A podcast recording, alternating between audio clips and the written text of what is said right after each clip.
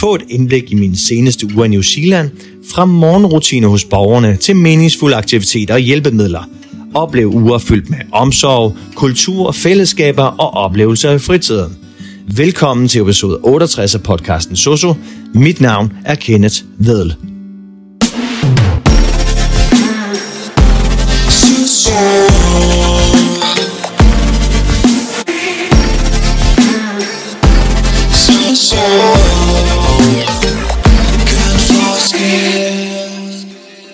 Artikler og arbejdsmetoder adskiller sig lidt fra Danmark. Her er det vigtigt at levere pleje i hjemlige miljøer med fokus på individualiseret omsorg, brugen af teknologi og udstyr til at forbedre pleje, samt tilgang til rehabilitering og daglige aktiviteter. Det fremmer den menneskelige side af sundhedsplejen og den kreative tilgang, der er nødvendig for at møde hver enkelt borgers behov. Jeg vil give dig inspiration og indblik i mulighederne for faglig og personlig vækst ved at arbejde internationalt, samtidig med at den understreger vigtigheden af fleksibilitet, åbenhed over for nye metoder og vigtigheden af kulturforståelse i sundhedsplejen. For dem, der overvejer oplæring i udlandet, eller som interesserer sig for de unikke aspekter ved international sundhedspleje, så giver jeg lidt indsigt i, hvad jeg oplever. Vi skal igennem oplæring uge 2-4, og hvad laver jeg i fritiden? Hvad har jeg lært de seneste uger? Jeg har lært, at det, der svarer til en social- og sundhedshjælper her i New Zealand, det hedder en care partner. Og det, der svarer til social- og sundhedsassistent, hedder enrolled nurse. Så jeg fik startet et nyt kapitel af min oplæring, et kapitel fyldt med omsorg og dedikation, da jeg for første gang ydede pleje i en borgers hjem – en morgen så blev jeg budt velkommen af en kollega fra Nepal, en mand med halvanden års erfaring her på plejehjemmet, og han skulle vise mig, hvordan de morgenrutinerne her de er hos borgerne. Afdelingen hed Puriri, et hjemligt miljø, hvor jeg assisterede en sengeliggende borger, som jeg kalder for Roger. Morgenrutinen den mindede meget om hjemme i Danmark, men alligevel var der nogle ting, der var anderledes. Vi lavede nedre hygiejnet, håndterede kateter, skiftede blæ, som ikke hedder blæ eller diapers her, men incontinence pads. Og så anvendte vi en gulvlift til at transportere Roger fra seng til kørestol. Efterfølgende så fik han høreapparat og briller på, meget klassisk som i Danmark. Gulvliften og det sejl, vi brugte, var anderledes end i Danmark.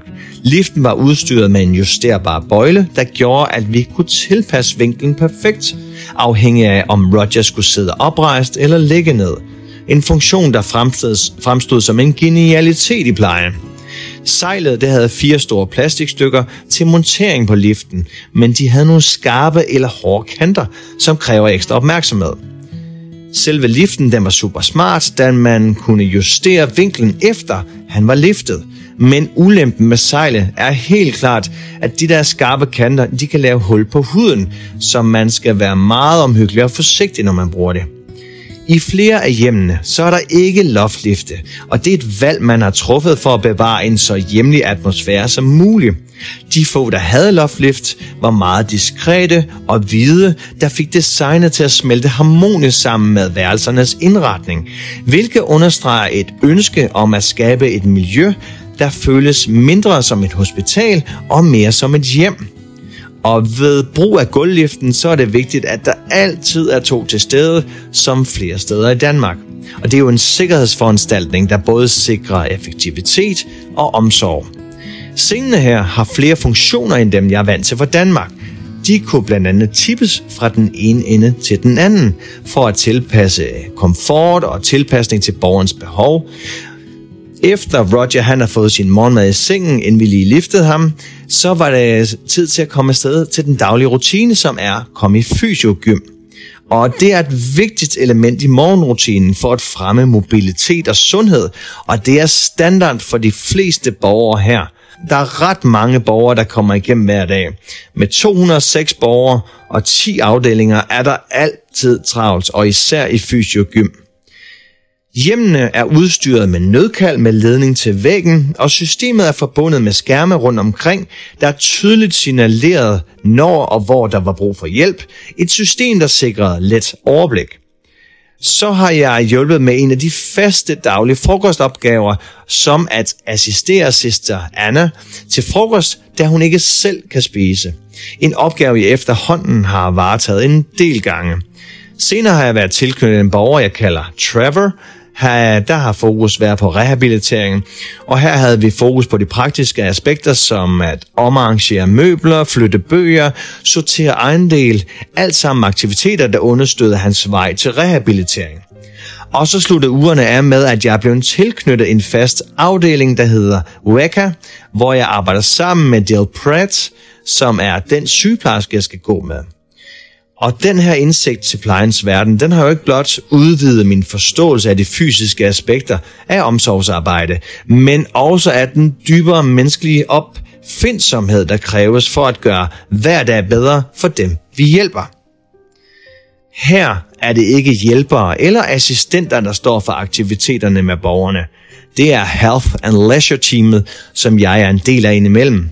Og her organiserer vi beboermøder, cafébesøg, gåture, shoppingture, strandbesøg, danseaktiviteter, podcastgrupper, bræt- og kortspil, klaverundervisning, afrikanske trommer, som beboerne spiller på med en underviser.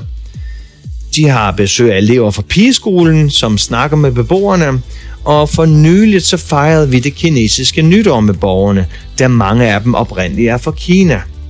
Når vi arrangerer de her forskellige aktiviteter, så er det os i Health and Leisure Teamet, der går rundt i de forskellige 10 forskellige afdelinger og finder og spørger efter de borgere, øhm, som kunne tænke sig at komme med, og så er det os, der transporterer dem fra hjemmene derhen til, hvor vi nu skal afholde de ting, der skal afholdes, og tilbage igen, når vi er færdige.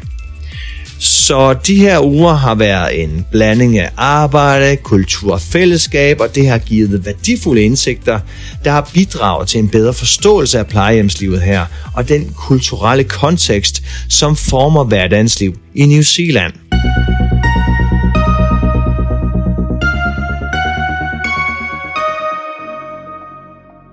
Og hvad laver jeg så i min fritid? Jeg bor tæt på toget, så det er let at komme ind til centrum af Auckland – man skal bare have et hopkort, som er præcis det samme som det danske rejsekort. Betalingen hernede eller herover er let. De tager Visa, Mastercard og Apple Pay overalt, så ingen grund til at bruge kontanter. Og bruger man sit kort til at handle på nettet, så kan man godt regne med, at net spærrer første gang, da de tror, det er stjålet. Det skete i hvert fald for mig. Der er træningscenter tæt på, og det bruger jeg cirka 5 dage om ugen. Jeg løber tre dage om ugen, og her er udfordringen lidt større, da der er bakker overalt i forhold til Danmark. Og så spiller jeg paddeltennis indimellem med nogle forskellige personer fra forskellige kulturer, som er flyttet her til New Zealand. Weekenderne har jeg brugt på ture og oplevelser rundt i landet, så jeg får udnyttet min tid optimalt. Jeg har været så heldig at have besøg af en kammerat i 12 dage, og vi har sammen rejst ned til den sydlige del af New Zealand til en by, der hedder Queenstown, som er en rigtig ferieby fyldt med turister, restauranter og masser af aktiviteter. Her var vi blevet anbefalet at prøve en helt speciel burgerrestaurant, der hedder Fur Burger. Og her er der altid kø foran, fra de åbner til de lukker kl. 2 om natten, da de har nogle virkelig lækre, saftige og smagfulde burger. Det fik jeg i hvert fald bekræftet. Og ellers var vi afsted til aktiviteter som Hydra Attack, som er en båd, ubåd, formet som en hej, hvor der kan være en passager ud over styrmanden. Den kan dykke et par meter ned under overfladen, hvor efter den hopper op af vandet og laver en stor maveplasker. Jeg vil sige, det visuelle får 10 ud af 10, men komforten den får 1 ud af 10 da jeg skulle klemmes derned og sad helt klaustrofobisk under hele turen. Og da jeg skulle op derfra, så måtte jeg hives op. Så var vi ude at sejle med nogle jetboats, som sejlede tæt på land og klipper med 95 km t hvor styrmanden indimellem lavede donuts på vandet med forholdsvis høj hastighed. Vi prøvede indoor skydive og sluttede af med at gøre det med VR-headsets som base jump. Så brugte vi en hel lørdag på en tur til Milford Sound, det er 14 timer totalt at komme derud og tilbage igen, og det bestod af den her lange bustur og en to timers sejltur, hvor vi skulle ud og se de her imponerende fjelle, der stiger stejl op, op fra vandet.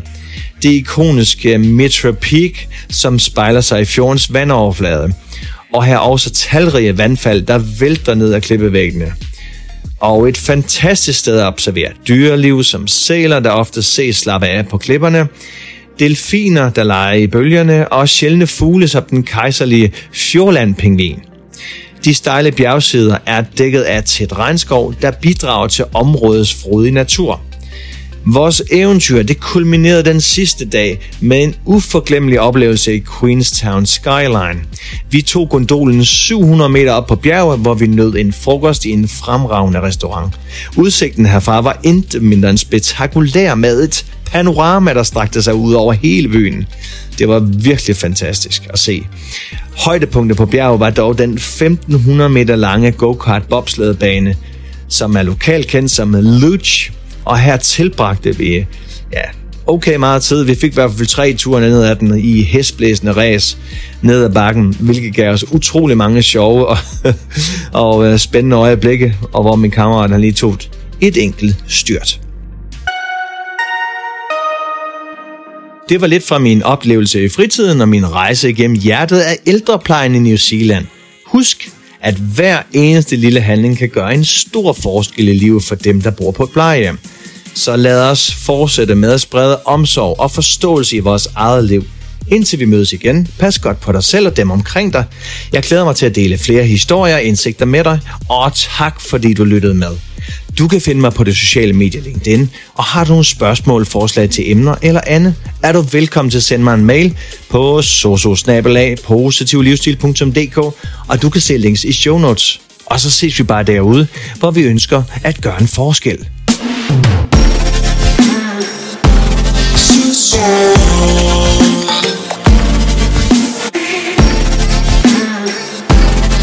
So